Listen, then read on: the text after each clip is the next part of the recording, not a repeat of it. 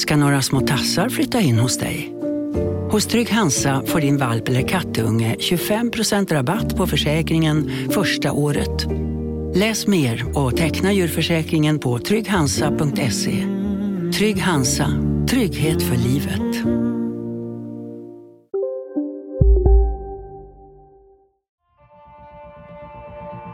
De kan skriva mina citat innan jag ens säger dem. Så att, Eh, Där har vi en dialog.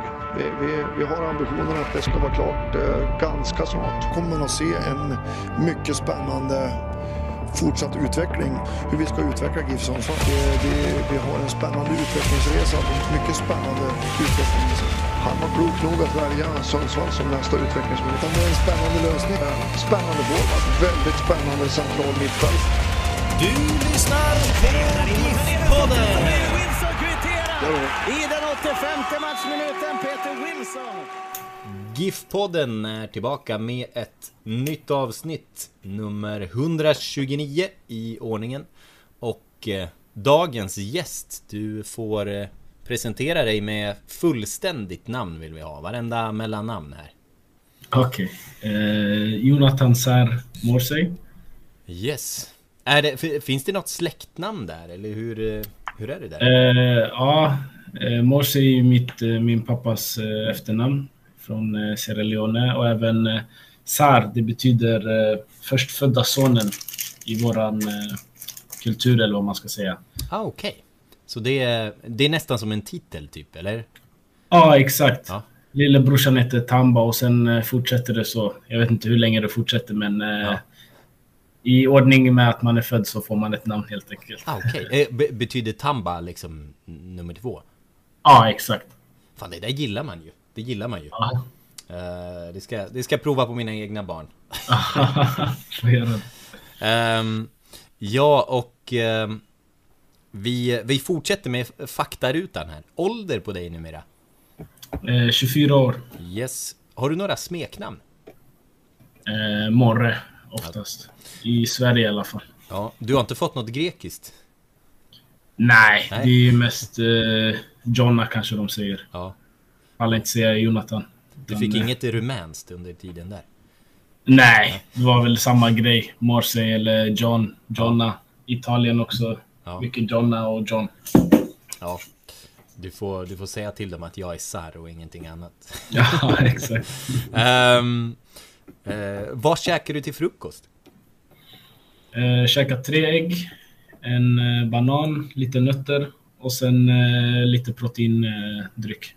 Eh, Mycket protein i din frukost. ja, Mm. behövs. Ja, Så mycket muskler vet exakt. Det gäller att underhålla dem. Ehm, hur ser din familj ut? Eh, min mamma och min bror bor i Sverige, eh, i Sundsvall fortfarande. Har också en eh, andra halvan av familjen i, i USA faktiskt, i Kalifornien. Farsan och en eh, stora syster. Så är det. Vad, har du några kopplingar dit? Liksom drar du dit då och då? Ja, alltså vi har åkt dit sen eh, jag var barn liksom och hälsat på och varit där och så. Så att när det finns tid och, och så, då brukar jag åka dit och hälsa på. Moderklubb? Eh, det är faktiskt Kuben, Kubikenborgs. Du är kupare. Det, Ja. det hade jag liksom släppt och tappat. Ja, nästan jag också. Nej, men jag var där i början när jag började spela fotboll i några år innan det blev Giffarna. Just det. Har du någon eh, största idol? Eh, ja, skulle inte säga någon idol på det sättet, men det finns ju några fotbollsspelare man kanske föredrar och tycker om lite extra. Ronaldinho, Messi. Ja, det är bra. Ronaldinho gillar vi. Leendet. Ja, ja exakt. Vad gör du av en ledig dag? Eh, ja, det är antingen, det beror på hur mycket energi som finns, om jag ska vara ärlig. Antingen så går jag ut, kanske käkar någon skön middag, chilla med några från laget, kompisar och sådär. Eh, annars, om det har varit mycket med fotbollen och så, då föredrar jag bara att vara hemma, kanske kolla på serier, spela lite spel. Det beror det. på. Hur är, eh, apropå det bara, hur, hur är livet i Grekland just nu? Just nu är det inte jätteroligt om jag ska vara helt ärlig, för det är ganska kallt. Man kanske tror att det ska vara varmt i Grekland, men det är fan kallt alltså. Förlåt att jag svär, men eh, det, det, ja, det finns inte så mycket. Det är mest gå och käka på någon restaurang kanske, men det är inte jättemycket. Men sen under sommaren är det jätte, det är fantastiskt faktiskt. Det är ja. så mycket stränder och vackert och allt möjligt. Och du har, eh, du har något år till på kontraktet här, så du får njuta av några grekiska somrar. Ja, exakt. Ett och ett halvt år kvar har jag på kontraktet. Håll ut lite. Ja. um, vad, vad lyssnar du på? Uh, för musik? Mm. Eller poddar uh, eller vad det kan vara. Allt möjligt faktiskt. Mest hiphop, uh, R&B uh, Även uh, svensk musik, lite svensk hiphop och, och, så. Men sanningen helt, alltså jag kan lyssna på allt möjligt. Och sen brukar jag lyssna på lite Joe Rogan podcast, kanske du vet. Ja, ja. Eh, om jag ser att han har någon intressant gäst så brukar jag lyssna på den också faktiskt. Ja, men det är... Eh, ja, han är, han är... Han är väl en av de allra största poddarna sådär. Men det är mycket, ja, mycket fokus på... Eh, på hälsa och, och lite... Han, han får lite kritik ja. också va? För han det är lite pseudovetenskap liksom. Ja, alltså han är lite rå. Han säger det han tycker och så, men ja. alltså det kan ju vara allt möjligt från komiker till skådespelare till forskare, alltså allt möjligt. Så jag brukar bara lyssna på de avsnitten som jag, mm.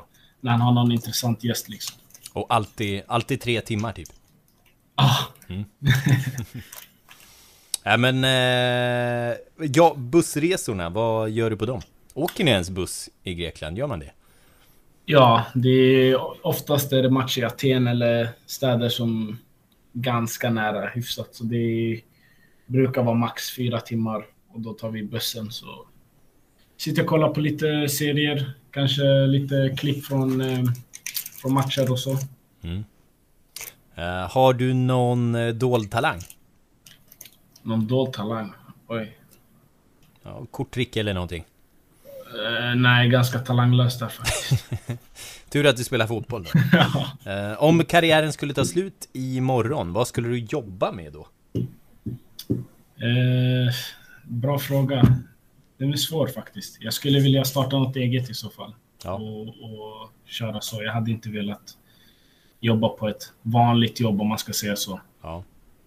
Har du jobbat ihop bra med startkapital ifall det skulle gå åt skogen?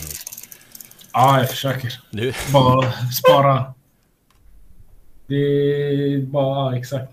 Det har ju varit lite sådär att man inte får lön då och då i vissa ställen. Ja. Men eh, det finns ju, man har ju sparat upp. Ja, Kevo, Kevo förstår jag att det var svårt i med tanke på hur det gick för dem ekonomiskt ja. till slut. Eller har det varit struligt i flera av dina klubbar? Ja, alltså när jag kom till Italien så blev det ju Corona direkt. Och så då kan man ju säga att strulet började. De du vet presidenten, lite maffia sådär.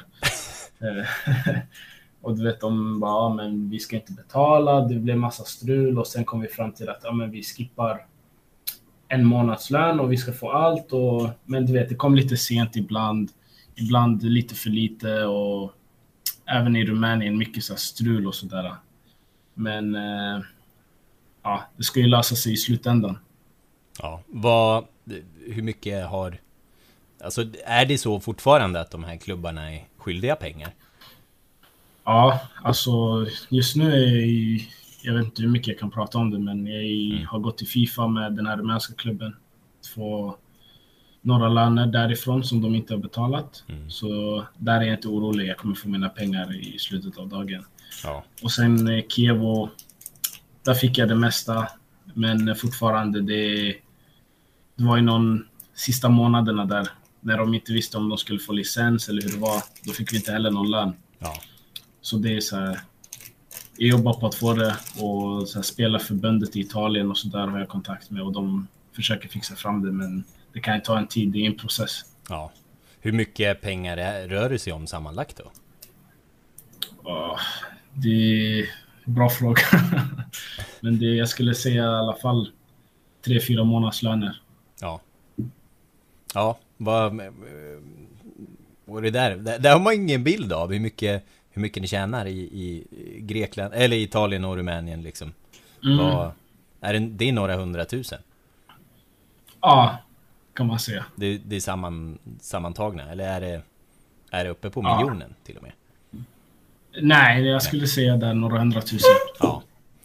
Ja, den är ju... Hur, hur känner du över det där då? Alltså, i början var det så här liksom... Jag var, jag var glad att vara i Italien. Liksom det, jag var där för fotbollen. Det är chans att, för mig att spela. Och det var inte där jag skulle tjäna mina stora pengar, liksom, var tanken. Utan det var ju mest för att var ett bra steg och, och en bra fotboll som jag kunde utveckla. Så då försökte jag att inte... Vad ska jag säga? Jag vill inte göra så mycket scener. Jag vet inte hur jag ska förklara, men mm. liksom att jag fokuserar på fotbollen och, och, och köra på och liksom att, att det ska gå bra och sen där med lönerna, det får, det får lösa sig helt enkelt. Jag var inte den som, som gick till presidenten och, och krävde min lön på det sättet, även om såklart jag vet att jag är skyldig till min lön och jag ska, jag ska ha mina pengar liksom. Men eh, efter ett tag blir det så här, man, man ska ju ha sina pengar, det, det ska ju vara rätt liksom. Så då, vi kommer till en gräns där man måste säga ifrån liksom och, och sätta lite press på klubben och så. Ja. Ja, och eh, vet du, liksom, ser du något slutdatum eller sluttid eh, framför dig? Mm, med pengarna tänkte du ja. eller? Eh, nej, utan det är två olika processer. Det här med rumänska klubben, det är i Fifa och det... Jag kommer få... Nästa vecka kommer jag få besked om vad de säger och liksom inte riktigt klart. Och sen där med Kiev, de har ju, alltså klubben är ju död. De har gått i konkurs. Mm. Så de är inte skyldiga vid lagen att betala liksom, utan det är mer spelarförbundet i Italien som, som löser det där juridiska, att få fram pengarna som de är skyldiga till oss spelare. Men eh, hela den processen kan ta väldigt lång tid. Ja. Ingen som riktigt vet. Du får eh, berätta hur det går, men det är ju... Det, det låter ju tungt. Det, förhoppningsvis så blir det väldigt kul när du får allting i en klump en dag. Ah, ja, det, då får man fira. Ja, det får du göra. Då hoppas vi att det är sommar i Grekland. Ja, exakt. Ja, um, ja, egentligen var ju det ett sidospår från den här faktarutan, men vi är ju förbi den. Det är ju intressant att fastna i det här, alltså det är ju lite nidbilden av hur det kan funka i, i eh, Grekland och, eh, och Italien att ja, lönerna, lönerna kommer lite då och då. Eh, mm. Vilket oflyt att åka på det då? Ja, eh, alltså från början i Italien, det, det funkar ju bra. Jag fick min lön den dagen vi skulle få lönen och allt och så. Men sen med corona och allting, det började gå lite tuffare för klubbarna och, och så, så började kaoset eller vad man ska säga. Ja. Vad, hur funkar det nu då, där du är nu i Grekland?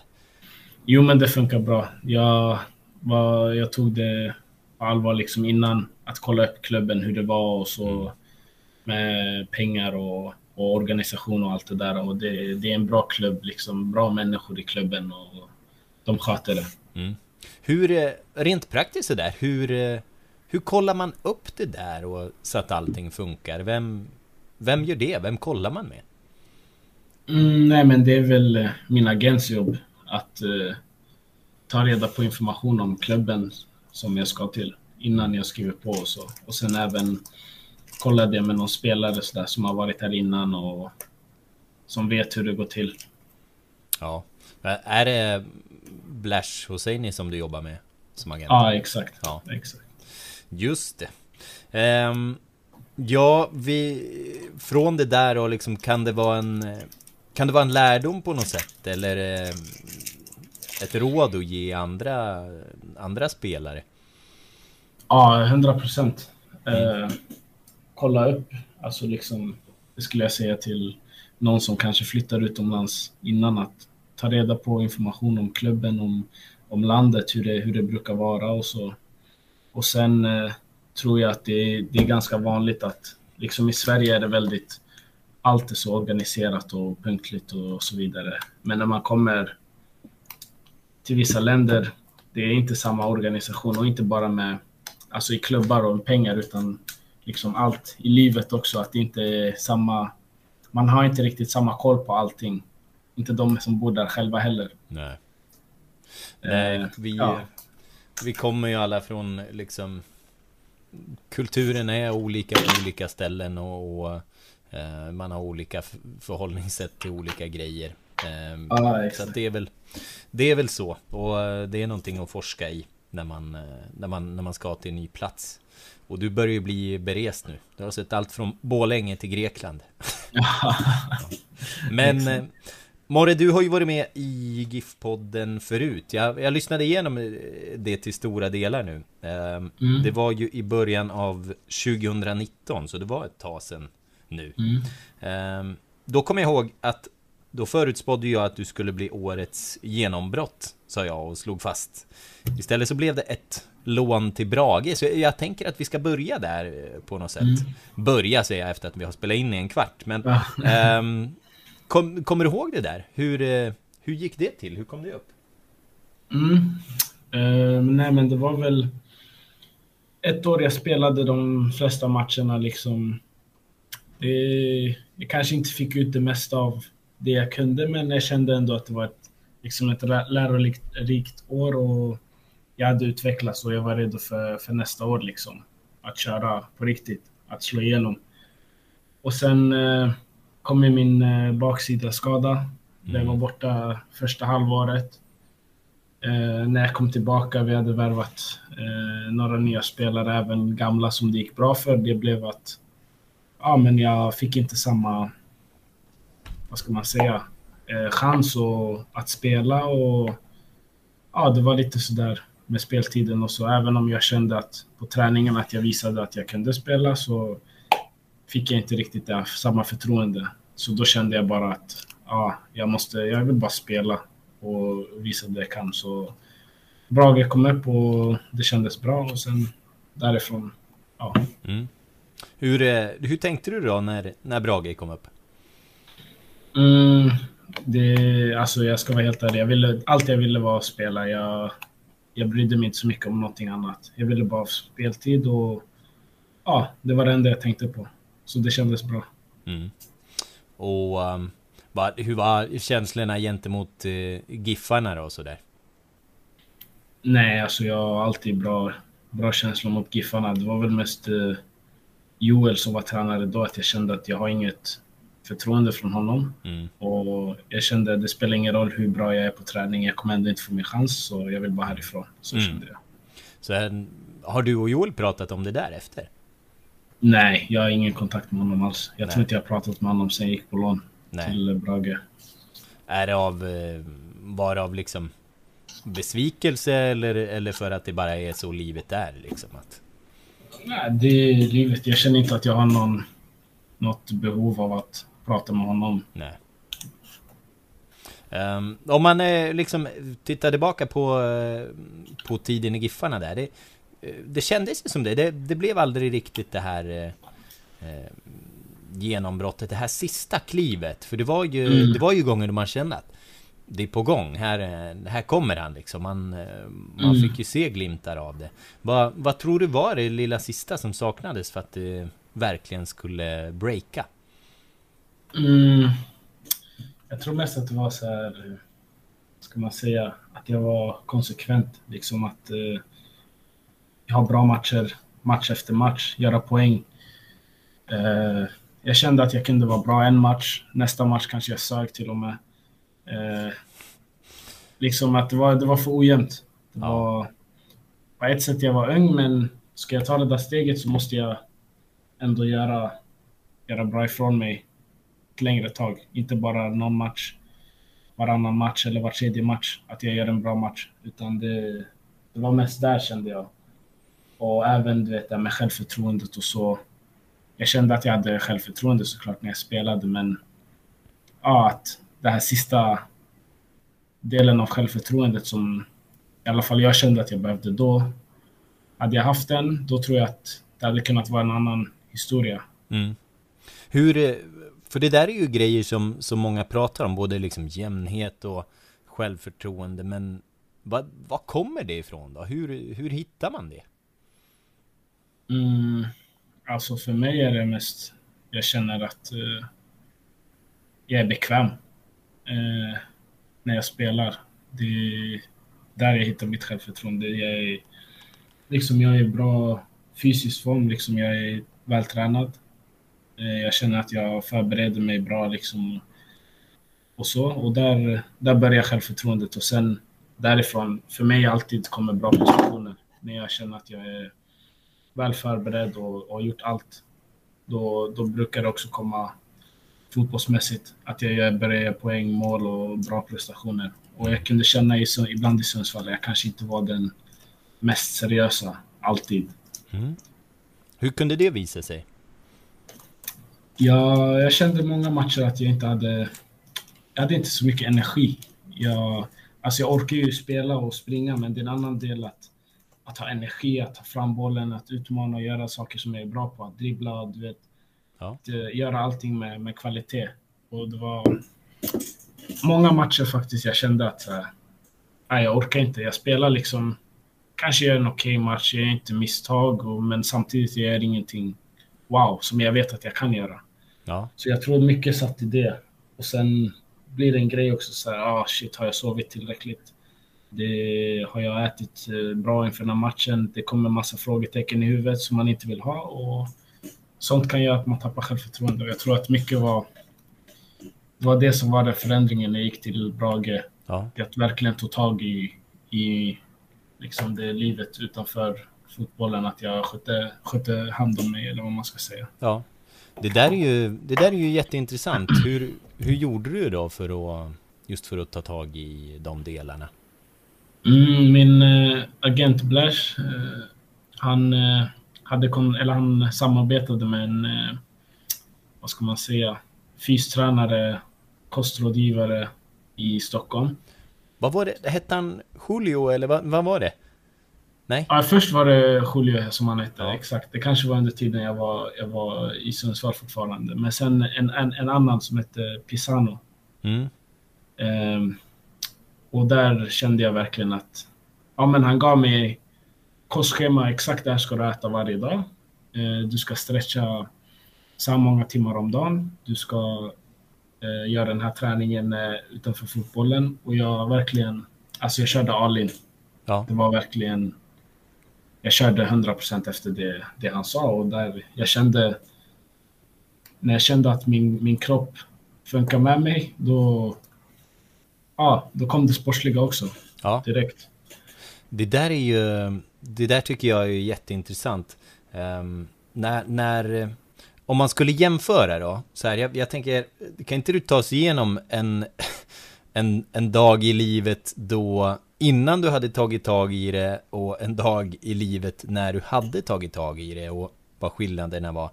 Om man, om man börjar med det, när, när, du inte, när du inte hade tag, tagit tag i det där, hur, hur kunde en dag se ut då?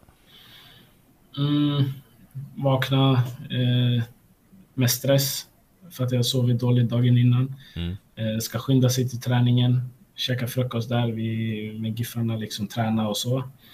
Var jättetrött efter träningen, kanske gick och sov två timmar på dagen.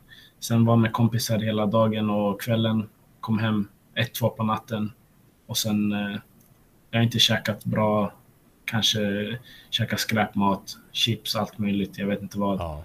Inte varje dag såklart. Jag inte, var inte tjock så på det sättet. Men ja, man var, jag hade ingen, liksom, inga rutiner på det sättet. Utan det var mest, jag bara levde liksom. Ja. Hade ingen koll.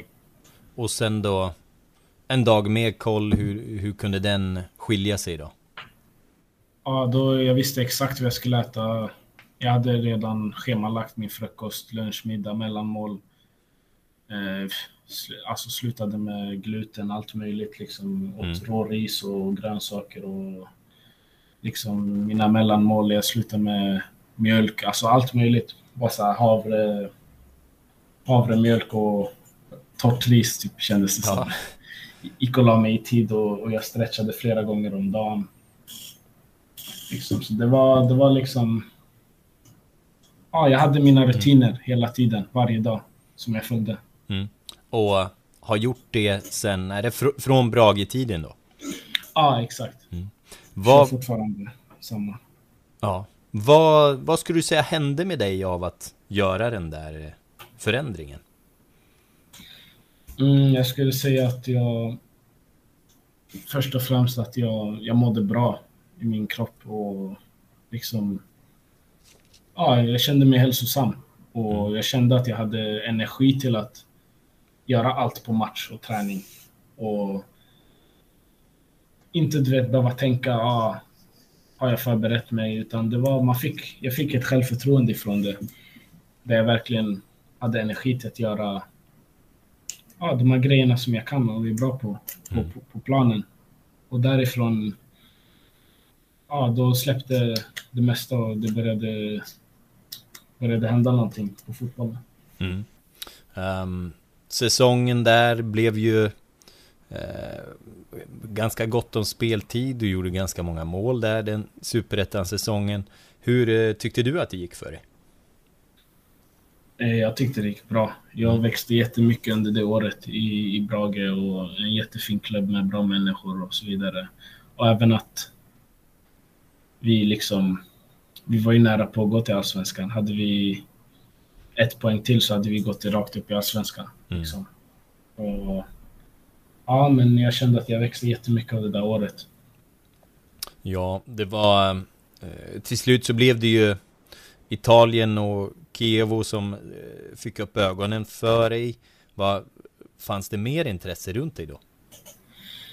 Mm, alltså, min agent var så här, han ville inte säga till mig all, allt intresse som fanns. Jag vet att det fanns från många allsvenska klubbar som, som hade ögonen och, och så. Jag vet inte hur konkret det var, men det jag visste var att ja, men mycket allsvenska klubbar som, som var intresserade. Mm. Och även eh, en annan klubb i Serie B som hörde av sig och så. Men sen när Kiev kom upp så var det, det kändes ganska självklart att det var dit jag skulle. Ja. Vad, hur gick den övergången till då? Mm, nej, jag var i Sundsvall och tränade med Sundsvall och tänkte inte så mycket mer på att på så övergångar och sånt där. Jag tänkte jag kör bara tränar och fokusera på det och sen var jag med några kompisar. Min agent ringde mig och sa ja, men vi har fått budkontrakt eh, från Kievo och de vill att du åker ner så fort som möjligt för du kan vara aktuell att vara med på i truppen på nästa match liksom. De vill ha ner dig nu, nu, nu. Det skulle gå riktigt det, fort. Ja, det skulle gå fort. Så jag var på kvällen och bara packade mina väskor och sen drog vi dagen efter till Italien och skrev på. Mm. Och eh, ja, vad... Hur var det sen då, tiden i Kievo? Ja, det var en, en, såklart en stor omställning. Första gången jag var utomlands och så nytt land, eh, nytt språk. Så jag kom dit, vi hade en tränare. Det, det gick ganska bra första, första veckan med träningar och sådär. jag märkte att han tyckte om mig, tränaren. Och ja, de, även i klubben, liksom, jag kände förtroende från sportchefen och, och presidenten och så. Att de, planen var att komma in i italienska liksom, fotbollen och livet och så. Och sen på slutet av säsongen att verkligen ta en startplats och börja spela.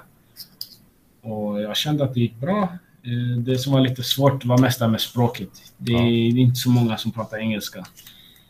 Jag hade tur att det var två, eller en, en svensk och en eh, Sauli Vaisanen som spelade i AIK. Han kan ju prata flytande svenska. Ja. Och Josef Kolli. Just Så där, där, fick jag mycket hjälp. Eh, speciellt av Sauli som kunde flytande italienska också. Aha. Men annars, det är, det är, inte alltid man kan liksom stanna på träningar och fråga om vad tränaren sa. Liksom. Det var mycket så här, ja men bollen sätts igång och jag vet inte riktigt vad, vad är det för regler, vad, vad har de sagt liksom. Så när det kom till så övningar och, och sånt med, med när det var massa regler och passningsövningar och possessionspel, då var det lite svårt. Jag, jag var lite vilsen i början. Sen när det kom till match, då där var jag bra. Men på träningarna, det var, det var tufft i början faktiskt, ja. när man inte fattade någonting. Jag förstår det. Vad, vad hann du utveckla italienska någonting då under din tid där? Ja, alltså nu på slutet kan jag säga, jag förstår allt. Ja. Eh, prata, jag kan göra mig förstådd. Jag pratar som en riktig, alltså, vad ska jag säga? jag vet inte vad. Jag kan göra mig förstådd i alla fall. Ja. Och förstå det mesta, så skulle säga att jag kan italienska i alla fall. Ja, men det är fint.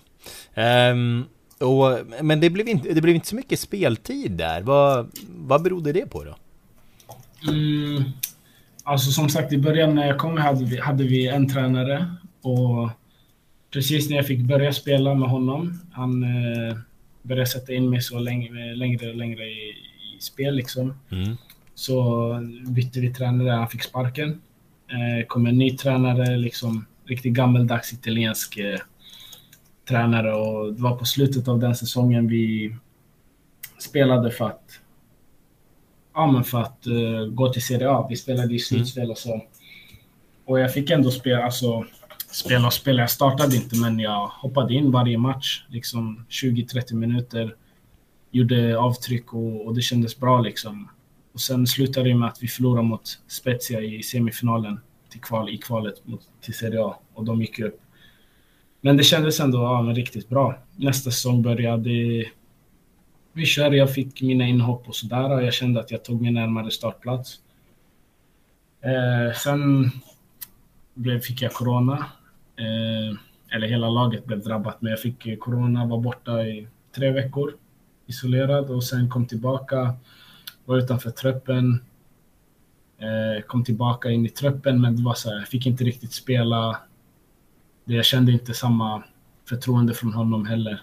Eh, och då var det så också ett tag där jag inte fick... Eh, ja, jag fick inte spela och då kände jag också så här. Jag behöver spela den här tränaren. Han, mm. han kör på sina spelare som han hämtade och ja, jag kände att jag behövde en utlåning till. Ja, ja eh, om man stannar där vid eh, Corona, drabbades du hårt? Nej, alltså. Ska vara ärlig, jag kände ingenting. Jag var Nej. inte sjuk eller så. Det var mest bara att vi, vi hade som ett, där vi tränade, träningsanläggningen hade vi typ ett hotell och alla som blev smittade fick bo där på, okay. på rummen liksom. Så man blev inlåst och fick inte lämna rummet. Bara käka pasta varje dag och sitta där. Ja. Så man blev lite, lite tjock kan man säga. Det, det var annat än din eh, gluten och laktosfria eh, ja, exakt. rårisdiet liksom där. Ja, exakt. ja, men ehm, jag tänkte ju på det annars när, när du nämnde det. Du, du har ju haft en, en astmahistorik liksom. Eh, gör det att du är i en, någon riskgrupp? Nej, jag tror inte. Jag tror den har växt bort med åren. Ja. Jag känner ingenting faktiskt. Har Nej. inte gjort det på massa, massa, massa år. Ja, okej. Okay. Um, ehm, ja, men okej, okay, och då vill du bli eh, utlånad. Jo, men eh, nej, vi, vi ska inte sticka till Rumänien riktigt än, men, men eh, det här i Italien, det är ju också en fördom mot hur det funkar i italienska klubbar. Och vi märkte ju lite det så här på till exempel när Linus Hallenius var i Italien, att det var ganska mycket klubbpolitik och liksom presidentens ja, ja. spelare och favoriter som spelade. Um, märkte du av det där? Ja, alltså i början när jag kom med tränaren som var då, då var det jättetydligt att det var, det var liksom sportchefen och presidenten, de valde vilka som skulle spela. Mm. Och de, de tyckte ändå om mig alltså jättemycket, så jag fick, ju, jag fick ju börja spela med honom. Men sen när den här andra tränaren kom, en ganska erfaren tränare, Alfredo Alietti hette han. Han hade tagit upp Hellas Verona till Serie A året innan och liksom... Mm. Ja, men eh, jag tror hans, hans liksom krav att komma var, det är han som bestämmer och han var verkligen en karaktär eller vad man ska säga. Vi hade, det kändes som att man var med i militären under honom. Men det var så här, han, han sket i vad sportchefen och presidenten ville. Utan han, han hade sina spelare som, som han bestämde liksom. Och du var inte en av dem? Nej, utan när han kom så värvade han, jag vet inte hur många spelare, 15 spelare kanske, som han hade jobbat med innan som han visste vilka de var och körde med dem liksom. Så. Det där är ju otroligt speciellt. Vad, vad kan man göra som spelare då liksom? Hade ni, hade ni några snack? Nej, inte, inte så mycket. Utan jag bara försökte träna på, vara var så bra som möjligt. Var seriös, men sen kom det till en punkt där man känner sig, ja men lite som i Sundsvall att när man känner att det inte spelar någon roll hur, hur bra man presterar på träning och när man får hoppa in, liksom inhopp och så. Mm. Det är svårt att ha motivationen uppe. Mm. jag kan, jag kan alltid brösta att sitta på bänken om jag, jag känner att det är någon som har eh, spelat bättre än mig. Men när jag känner att jag, jag presterar på träningar och så, då, då vill man ju ha sin chans liksom. Mm. Och när det inte kommer då, då känner man, då tappar man motivationen faktiskt. I alla fall jag. Så då kände jag bara, men ett, eh, en utlåning kan vara bra och sen får vi se vad som händer när jag kommer tillbaka liksom. Och för jag kände fortfarande stödet från sportchefen och presidenten att de, de trodde på mig jättemycket. Mm. Så jag ville inte lämna Kiev och så. Mm. Och ehm, ja, för, för det där känns ju som, i, Sverige känns det ju som att det, det vore ju en ganska enkel grej att ändå gå och knacka på, på tränarens dörr och fråga vad, hallå vad ska jag göra? Men Mm. det funkade inte så där eller? Nej, inte riktigt. Jag försökte prata med honom och någon gång sådär och se vad är det, vad är det jag behöver göra och han sa det han sa till mig då var liksom ja men du måste typ köra hårdare eller vad jag ska säga. Han sa på, ja, på italienska Har du också valt att bli egen? Då är det viktigt att skaffa en bra företagsförsäkring. Hos oss är alla småföretag stora och inga frågor för små. Swedeas företagsförsäkring är anpassad för mindre företag och täcker även sånt som din hemförsäkring inte täcker. Gå in på swedea.se företag och jämför själv.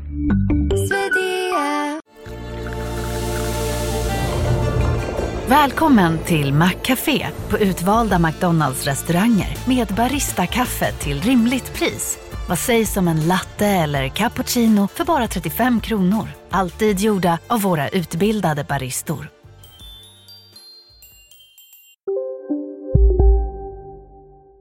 liksom spela med mer passion och du vet, springa och kriga. Det var mycket så. Serie B-fotbollen är mycket så. Ja. Att det, det är mycket så här. Även om det finns kvalitet i spelare och så mycket springa och kriga och mycket sånt.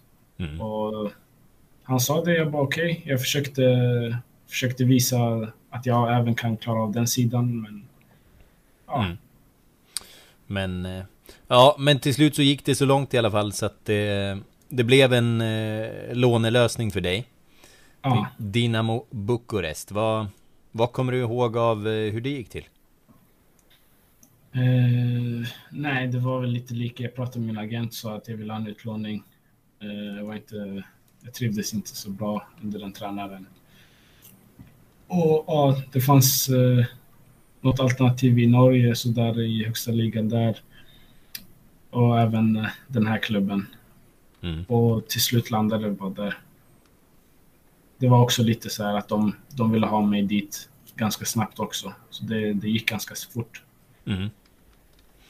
Och ja, vad, hur blev det för dig då? Mm, jo, men jag, jag åkte ner dit till Rumänien. Jag pratade med sportchefen innan. Eh, Jag åkte ner dit, skrev på. Eh, Ja, var där helt enkelt. Mm. Mm. Ehm, ja, för där, där hade du ett ganska fint eh, facit också i alla fall. Liksom, ser, man till, ser man till poäng. Det var ett par mål, men det var väl också en del framspelningar. Mm. Eh, vad eh, diskuterade ni att liksom förlänga det där? Alltså de, efter säsongen så ville de att jag skulle förlänga, men jag sa det finns inte en chans att jag stannar här. Det var för mycket, det var för mycket kaos runt omkring. Det måste du berätta om. Berätta Ja. om kaoset. Alltså det är ju en...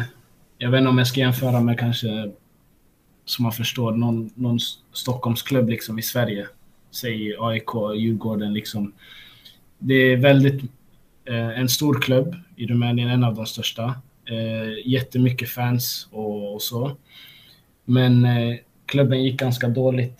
Innan jag kom dit så låg de liksom bortre delen av tabellen. Mm. Och de, är, de ville ju liksom vinna hela grejen. Så det var väldigt mycket så här press från fansen och du vet, det var väldigt negativt. En negativ stämning när jag kom dit. Jag kände det direkt första dagen att det var, bara jag hälsade på alla i omklädningsrummet, det var väldigt så här, det var inte välkomnande precis. Nej. Eh, Och ja, jag... Eh, första, jag kommer ihåg första matchen, min debut där. Vi hade derby mot Steaua Bukarest som är liksom rivalerna. De låg etta i serien och det, var cupmatch. Ja. Eh, ja, men jag fick hoppa in efter halva matchen. Det var min första match. Eh, kom in i halvtid. Eh, 0-0 och sen får jag friläge typ i slutet av första liksom. 0-0 jag friläge så jag missar den. Och sen som tur nog på hörnan, det blev hörna efter och vi gör mål på hörnan. Och vi vinner matchen i cupen. Så det, då var det liksom... Jag var lack på mig själv för att jag missade, men det kändes bra för att vi vann. Det var viktigt. Mm. Eh, matchen efter i ligan, jag får typ samma läge. Jag missar igen. Eh, friläge. Och då, vi förlorar matchen. Jag fick kanske, jag vet inte hur många meddelanden på Instagram att jag var skit. Eh, vad är det vi har hämtat för spelare? Ut från min klubb, jag vet inte vad. Och det var verkligen så att det var något nytt för det. Jag har inte, jag har inte fått den här innan. Eh, att det har varit så här. Jag har inte spelat för någon klubb som har så här supermycket fans som brinner så där på det där sättet. Nej. Så det var en omställning och sen eh, ja, det fortsatte gå tufft för, för oss i ligan. Vi förlorade massa matcher. Jag spelade, spelade då varje match.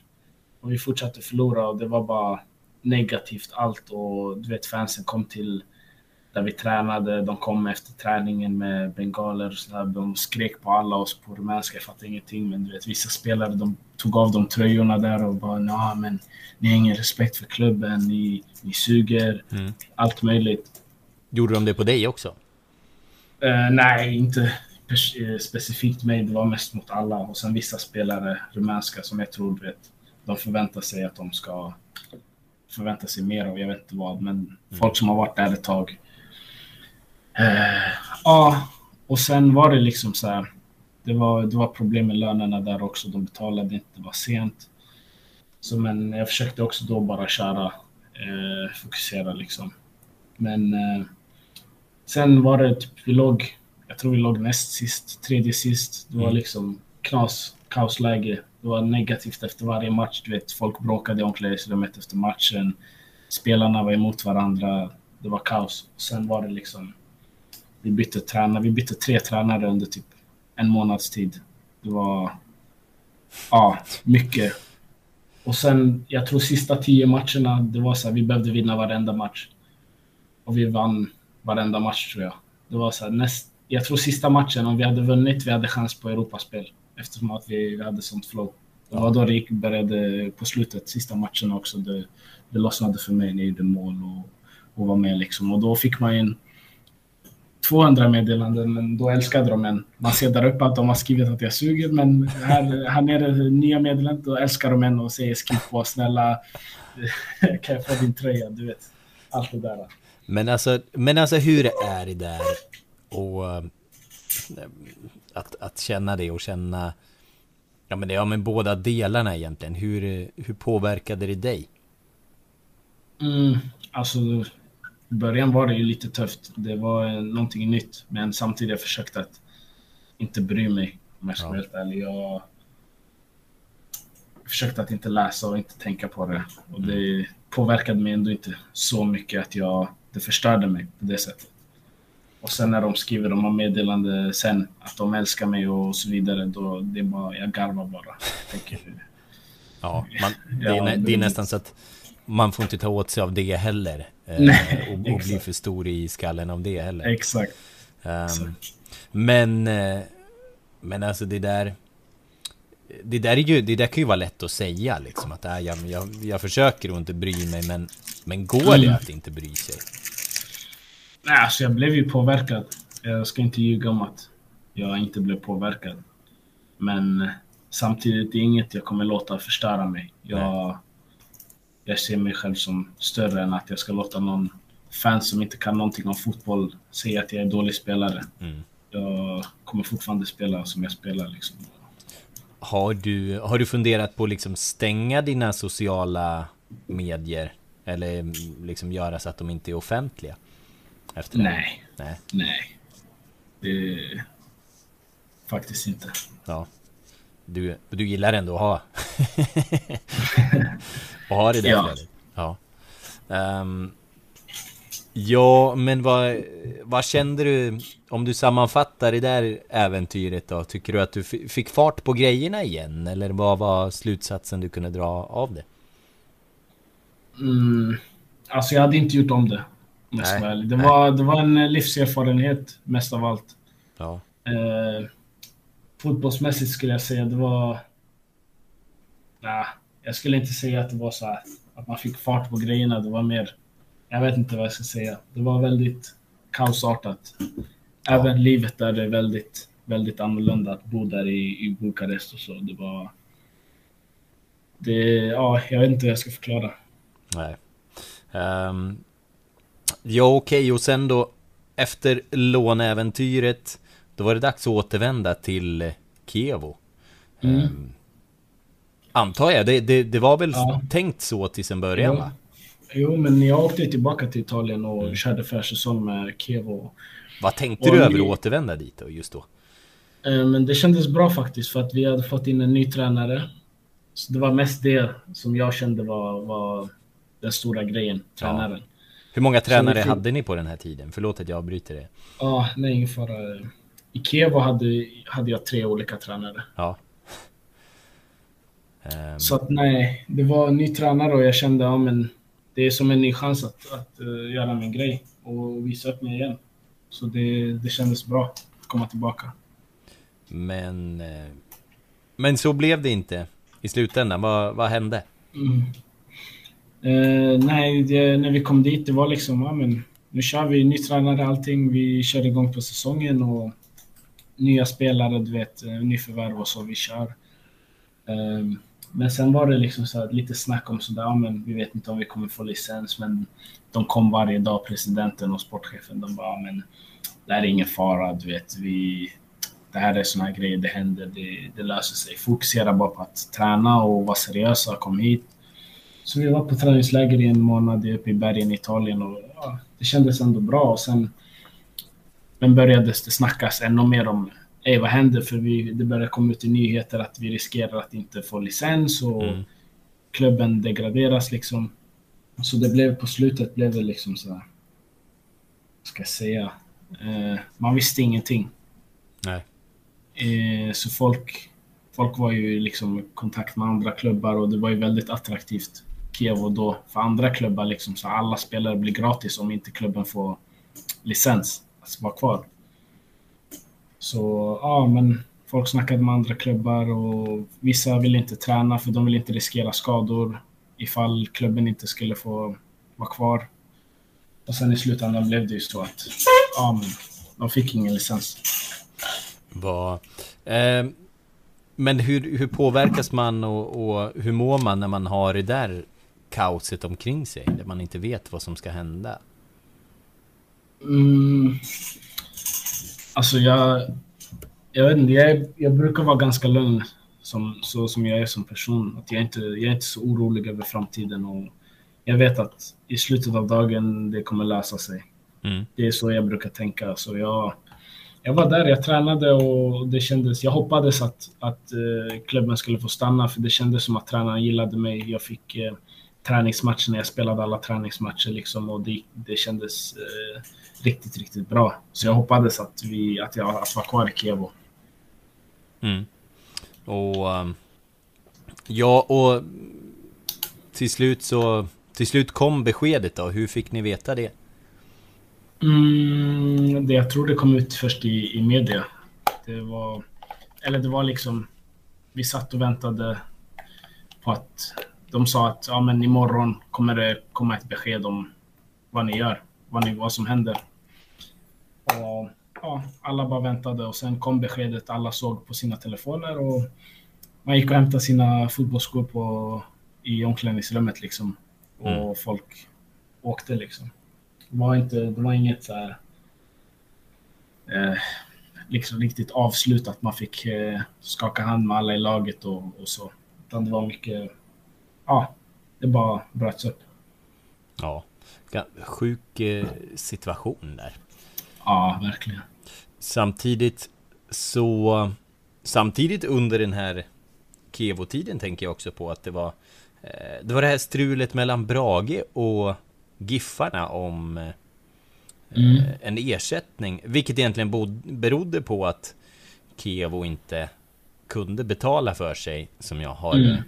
Tolkat det. Hur, eh, hur kändes det att hamna i kläm där? Det var ingenting jag tänkte på faktiskt. Nej. Det, jag kände inte att jag hade någon kontroll över den situationen.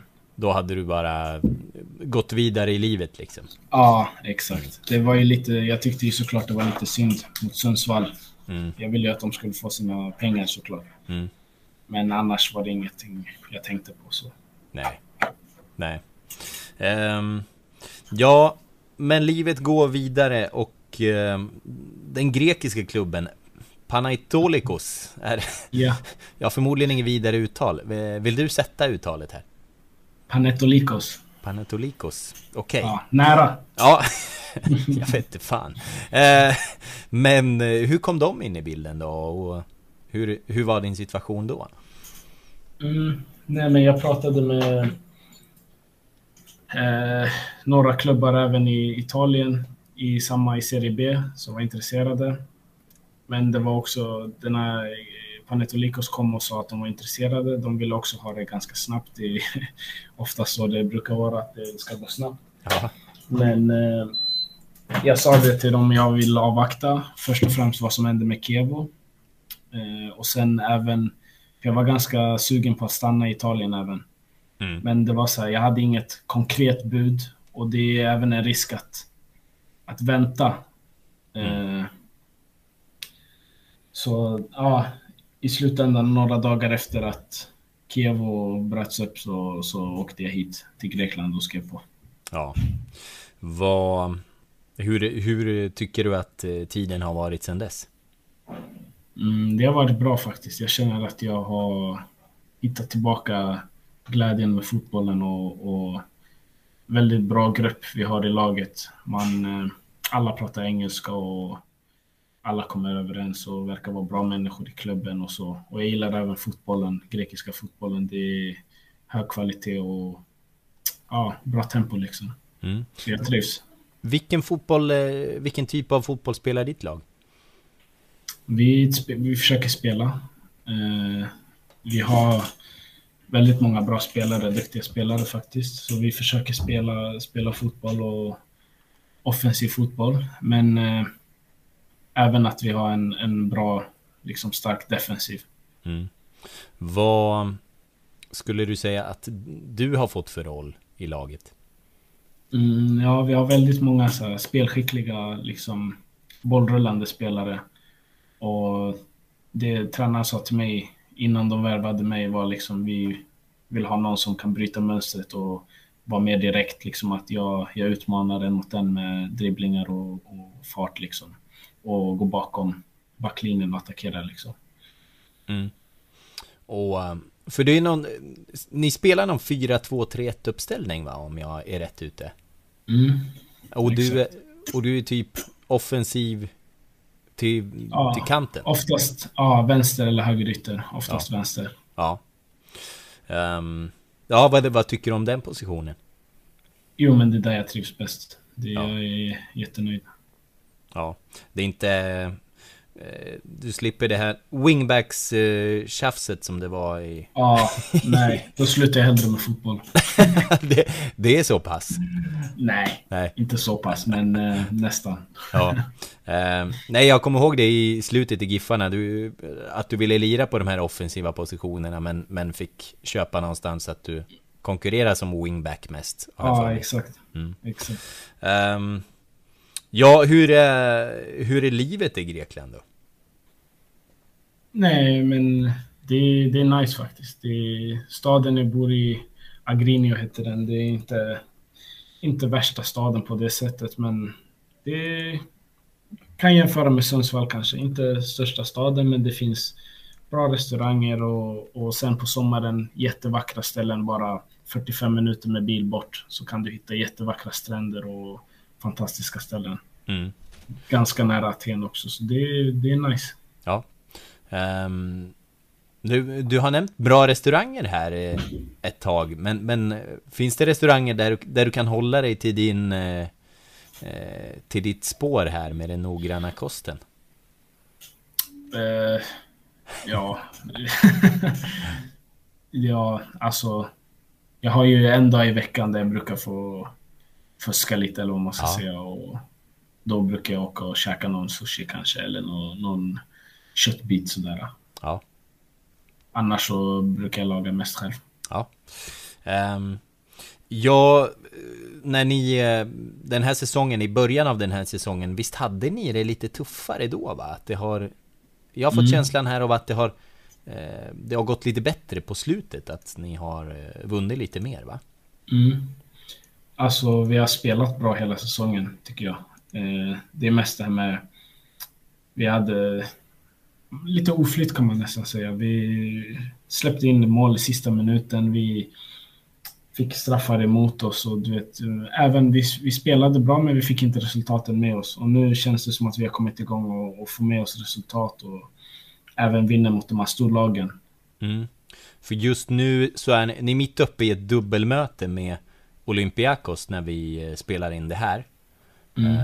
Och de, eh, de som inte liksom har torskat en ligamatch på hela säsongen eh, och ni går och besegrar dem i kuppspelet. De leder ju ligan mm. överlägset.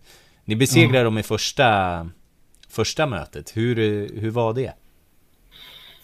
Nej, men vi, vi spelar bra fotboll. Vi, vi var bättre än dem. Vi förtjänar att vinna. Eh, de skapar inte många lägen alls. Utan nej, vi gör en riktigt bra match. Och nu men det är inte över liksom. Det är 2-1 första matchen och nu ny match på onsdag. Så det är mm. bara försöka göra en lika bra match. Hur är det att möta de här riktigt stora grekiska klubbarna? Det är jättekul. Det är, man ser ju spelare som man har kollat på, på tv när man var lite yngre. Liksom. Så stora namn som man, man kan liksom. Och, och de spelar bra fotboll även med supportrar och sådär. Det, det är nice stämning när man kommer ut på deras arenor och så. Det är bara kul. Mm. För de, eh, där är ändå, det, det kan ju vara ganska bra eh, bra drag liksom på de här eh, grekiska mm. supportrarna och även ganska tuffa tag har jag förstått det. Hur, eh, hur märker man av det? Och hur är det? Uh, ja, nu senaste tiden så är det begränsat med supportrar på arenorna. Så det är inte riktigt samma tryck. Men man märker verkligen att de, de brinner för det här. Liksom de står upp på läktaren, skriker så fort det är något beslut i, emot laget som de hejar på. Liksom då hör man hela arenan liksom skriker på domaren. Du vet, det, man märker att de brinner för det. Mm. Um, grekisk fotboll har väl också haft lite så problem med uppgjorda matcher. Har du sett något konstigt där? Mm, inte på det sättet att Nej. det har varit så här, okej okay, det här är uppgjort. Men ibland kan jag känna så här, när man möter de här storlagen speciellt, att domarna, de har inte riktigt den här pondusen, att de vågar stå emot fansen. Du vet, de kan ge väldigt många billiga beslut i fördel till andra laget och, mm. och du vet, ge, dela ut lite så här billiga straffar och sådana grejer. Ja. Det kan jag känna. Då är det då, då är det tufft att liksom spela i ett lag från en stad där det är liksom 50 000 invånare. Ja, exakt. Det, med, exakt. Med, med, en annan typ av, eh, av tryck runt omkring. Ja, ehm, precis. Um, ja, du har fått en svensk kollega också va? Johan Mårtensson. Mm. Ja, precis. Hur eh, går det för honom? Eh, det går bra. Han skulle ha spelat i senaste matchen. Han gjorde illa sig på uppvärmningen så han, han spelade inte. Men jag tror han kommer trivas också bra. Han har mm. inte varit här så jättelänge men eh, det är väldigt enkelt att komma in i den här gruppen och det verkar som att han redan trivs. Ja. Eh, vad... Du har haft någon månad här där det inte har blivit lika mycket startmatcher. Vad, kan mm. du berätta, vad, vad har det berott på? Nej, men det var i eh, mitten av december. Eh, spelade och gjorde illa baksidan. Och de, det var en bristning grad 2 bristning, så tre till sex veckor borta från fotbollen helt. Och ja, jag frågade tränaren om jag fick åka hem till Sverige tidigare för att ja. eh, jobba med en eh, specialist naprapat. Så jag åkte hem över, lite innan jul, var hemma tills efter nyår. Och sen har jag kört min rehab liksom varje dag och så och sen från två veckor sedan började träna med laget och jag var med i truppen. Hoppade in tio minuter även om jag egentligen inte skulle ha gjort det. Det var lite tidigt, men eh, ja, hoppat in lite mer och lite mer de två senaste matcherna och sen nu redo för att starta igen. Så att, eh, senast startade jag. Ja, du, du klättrar tillbaka in i det igen. Ja, precis. Helt nu enkelt. känner jag mig hel faktiskt. Ja. Um, ja, just det. Och, och nu var det första, 90, inte 90 minuter, men, men startmatchen i alla fall på ett tag. Ja. Mm. Ja. Um, så du är på väg tillbaka. Tror du att du kommer starta i returmötet mot Olympiakos som är nästa? Ja, jag tror det. Ja. Ja, där. Det, ja. det får vi se. Det, det kan bli en stor ja. upplevelse. Ja, faktiskt. Ja. Um, se om ni kan gå vinnande på deras hemmaplan också. Mm, precis. Uh, hur, hur många supportrar släpper de in på läktarna nu? Uh, jag tror att det är typ 30 procent nu. Ja. Så jag vet inte. Det kommer nog inte vara jättestort tryck. Nej. Tror jag. Kan eh, kanske vara lite fördel för er i alla fall. Ja, kanske. Mm. Jag tror nog det. Ja, ehm, ja men sen annars då, när, när du har varit liksom mellan eh, kontrakt under de här åren, för det har ändå varit sådana situationer. Har Giffarna hört av sig något? Liksom, har, har ni haft någon kontakt? Mm, nej, inte riktigt. Det var väl eh, efter Brage mm. som de, de ville att jag skulle skriva på. Ja.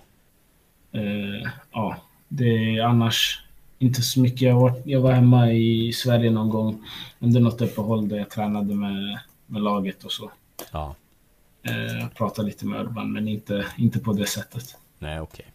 Håller du kontakten med några spelare från din tid här? Ja, just nu mest Paja. Ja. Eh, Paja har jag bra kontakt med. Eh, annars inte så mycket. Nej. Och um, ni har ju... Ni hade ju ett gäng som körde ihop tidigare, kommer jag ihåg. Eh, körde en del i Nackstahallen och sådär. Bland mm. annat. Kör ni med, med varandra fortfarande? Ja, ja. Mm. Eh, jag är inte med så mycket, Wilson inte heller nu när vi är borta, men mm.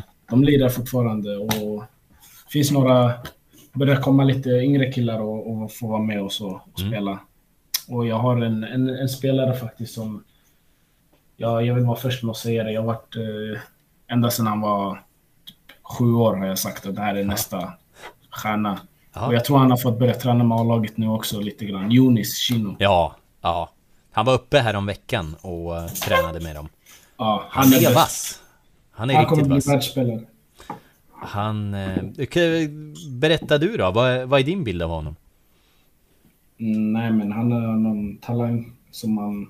Det är inte alltid man ser den här talangen. Nej. Bara när jag kommer ihåg när jag flyttade till Nacksta och såg honom som ett litet barn spela och du vet den här spelförståelsen som han hade redan då, den här vänsterfoten. Då jag kände att ja, det här, det här kommer bli någonting och sen dess har jag försökt liksom prata med honom genom råd och, och hjälpa honom med allt jag kan. Mm. Och nej, fantastisk spelare. Så ni, ni hörs och håller kontakten? Ja, mm. pratar med honom ofta. Vad, vad tänker du att han är för spelartyp? Eh, en eh, eh mittfältare, eh, offensiv, kanske tia-rollen. Kan även spela sittande mittfältare. Liksom jättefin teknik med att hantera bollen bra. Kan göra sin gubbe även och jättevacker passningsfot. Liksom, mm. Mest spelförståelsen jag gillar. Spelar väldigt moget för sin ålder och en, två touch. Och, ja, det, det är något jag tror på faktiskt. Mm. Jag får lite det jag har sett. Jag har ju sett honom några träningar där med A-laget och någon, någon enstaka match liksom. Mm. Men eh, jag får ju lite Neymar-känsla i hans eh, sätt att spela och lite i sättet hur han, hur han rör sig och hanterar bollen. Att det är det här, ja. Eh, det, det, här lätta på något sätt som, ja. som man ser i Neymar. Ja, han är väldigt liten och så. Så mm. han, du vet, han bara tar sig förbi spelare liksom. De kan inte röra honom, de kommer inte åt honom. Mm. Men eh, samtidigt, jag skulle inte säga den här samma snabbheten utan tekniken jag håller med. Men mm. annars jag skulle säga så här, Verratti kanske, du vet. Ja. Snabba, fin teknik, du vet, spelfördelare och sådär. Det blir spännande att följa honom helt enkelt. Vi, mm. Eh, Eh, det ser vi fram emot. Och, Ja. och då kommer vi ihåg var vi hörde det först. Exakt. Ehm, vi har fått några lyssnarfrågor till dig också, Morre. Ehm, och eh, här frågar eh, en bland annat eh, Vi som med glädje minns den unga Morsey i GIF-tröjan, på vilka sätt är du en annorlunda spelare nu? Mm. Jag skulle säga att jag är ganska lik vad jag var då. Mm. Det, det mesta jag har utvecklat är att jag är mer trygg med bollen. Liksom, jag, jag kan även spela det här possession, hålla i bollen liksom och, och vara med, mer delaktig i det slags spelet.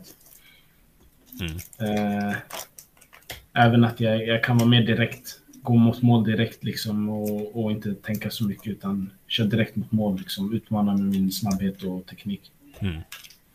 Och eh, Ja, och som du, var, som du var inne på också, som du, så har du vid sidan av fotbollen också förändrat ganska mycket. Ja, exakt. Ja. Ehm, samma, samma lyssnare, Edith Einarsson ska vi säga, eh, skriver så här. Italien, Rumänien, Grekland. Har du en plan, ambition för de kommande 3 till 5 åren? Är siktet inställt på att klättra i Grekland nu? Eller har du någon speciell liga eller land du drömmer om? Mm, inget speciellt eh, om man tänker land eller liga, utan det är mer att jag, jag försöker klättra så högt jag kan. Jag vill spela på så hög nivå jag kan, helt Mm. enkelt. Mm. Ehm, och samma lyssnare, en annan gammal GIF-spelare som var i farten i går, står det här, men frågan är skickad för några dagar sedan, var Peter Wilson som lirade cupderby i Nicosia. Hur tät kontakt har ni idag och snackas det något om Giffarna och en återförening? Mm, jo, men vi barndomsvänner. Det är min närmaste vän, så vi pratar hela tiden. Ja, Det är inget som förändras där. nej. Och sen eh, det mesta vi pratar om Giffarna, det är väl om vi ser något. Eh, vi har några till kompisar som, som har koll också. Mm. Som, nej, vi diskuterar bara kanske resultat, kolla på lite matcher, du vet. Hur det går, nyförvärv. Mm. Lite så bara. Att det är lite, man, eh, Man följer ju laget så. ja, för att det är ens gamla, gamla klubb. Ja, exakt. exakt. Är det, då, om du tittar på liksom tiden i Giffarna, skulle du ha ändrat på någonting för att verkligen breaka och få till det där? Mm.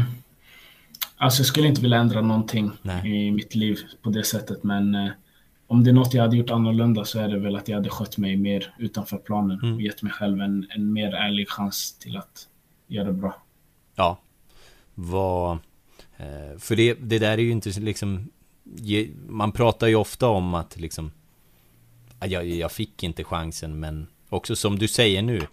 Eh, att ge, ge mig själv chansen. Det är ju Exakt. det är också en viktig del av det liksom. Exakt, för jag fick ändå chansen att spela. Jag hade... Jag fick många matcher Mm. där jag fick chansen att göra det. Så det, det är inte någon annan än mig jag håller ansvarig. Nej. Det är inte bara, det är inte bara Joel liksom. Nej, Nej. exakt. Nej. Ehm, ja, sen frågar lyssnaren Valini Nation, eh, sociala medienamnet. Eh, Vad hände med Jonathans lillebror? Eh, han hade väl också en talang och vart huserar han idag? Det är väl, är det Samuel Morsey? Ja, exakt. Mm. Eh, jo, men han var jätteduktig. Det, jag skulle nästan säga att han var, han var duktigare än mig när jag var yngre. Men eh, ja, tappa, hade inte samma driv att vilja bli fotbollsspelare. Det, det är inte allas dröm att vara fotbollsspelare. Och han hade kunnat om han ville, men Mm. ja, han är i Sundsvall och jobbar nu. Men Mm. Han, kommer, han kommer lyckas på, på andra ställen i, än fotbollen i livet, det vet jag. Mm. Vad, hur gammal är han? Eh, 0-0, vad blir man då? 22? 22? Ja. ja. Vad, vad vill han eh, ägna sig åt istället? Eh, just nu jobbar han bara, men han vill ägna sig åt pengar. Han gillar pengar. Ja. ja, det är bra. Eh, Ja, nej, men han kommer får- plugga eller... Eh, han, kommer, han kommer lyckas. Han är, han är driven. Ja. Så jag vet att... Eh, han kanske blir den i näst. slutändan som får placera dina fotbollspengar någonstans. Exakt. Ja, vi eh, eh, hoppas på det. Hur är annars kontakten med familjen nu när du bor där? Jo, men det är bra. Vi pratar väl eh, på Facetime för det mesta och håller kontakt på det sättet. Eh, min mamma och min bror var här även eh, på slutet av sommaren och hälsade på en månad. Mm. Ja. Så ni, en hel månad? Ja, ja. Så ni får, eh, ja, då, då får man ändå uppfylla lite behov liksom och, och ja ses exakt. lite grann i alla fall. Exakt. Har du, har du täta familjeband skulle du säga? Är du liksom en familjekille på det sättet? Ja, det skulle jag säga. Mm. Det, det är det viktigaste som finns för Mm. mig. Det är min familj.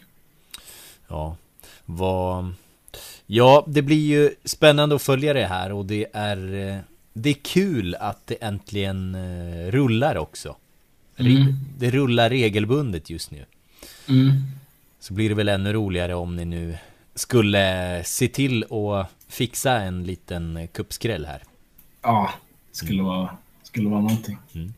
Du, jag tänkte på det, i, i ert lag så där, är ni, har ni någon tydlig stjärna i laget? Mm, nej, det skulle jag inte säga. Vi har väl eh, vi har några spelare som har erfarenhet av att eh, spela i Europa, Champions League och sådär. Mm. Eh, men jag skulle inte säga att det är någon som... Vår tränare är väldigt tydlig med att ni, det är laget som går först och vi ska inte ha någon, någon ego på det sättet. Nej. Nej. Mm. Ehm, ja, vi, eh, vi följer det med glädje helt enkelt. Men vi har spelat in här i dryga timmen uppe på en timme och tio minuter. Så jag tror vi ska, vi ska runda av inspelningen där. Ehm, Ja. vad, vad har jag missat att fråga dig om? More? Mm. Jag vet inte. Nej, vi, vi kanske har allting. Det mesta. Ja. Nej, jag tycker det har varit grymt intressant att, att lyssna på. Mm, tack så mycket. Så vi får, eh, vi får höras igen helt enkelt. Absolut. Ja, du ska ha stort tack.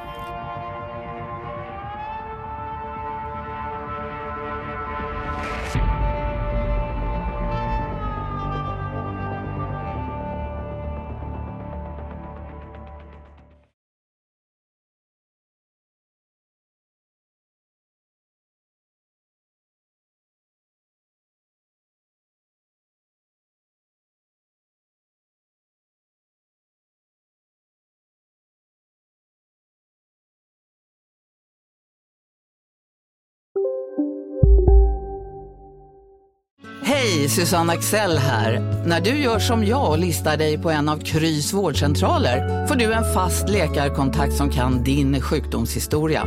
Du får träffa erfarna specialister, tillgång till lättakuten och så kan du chatta med vårdpersonalen. Så gör ditt viktigaste val idag, lista dig hos Kry. Upptäck det vackra ljudet av McCrispy Company för endast 89 kronor. En riktigt krispig upplevelse. För ett ännu godare McDonalds.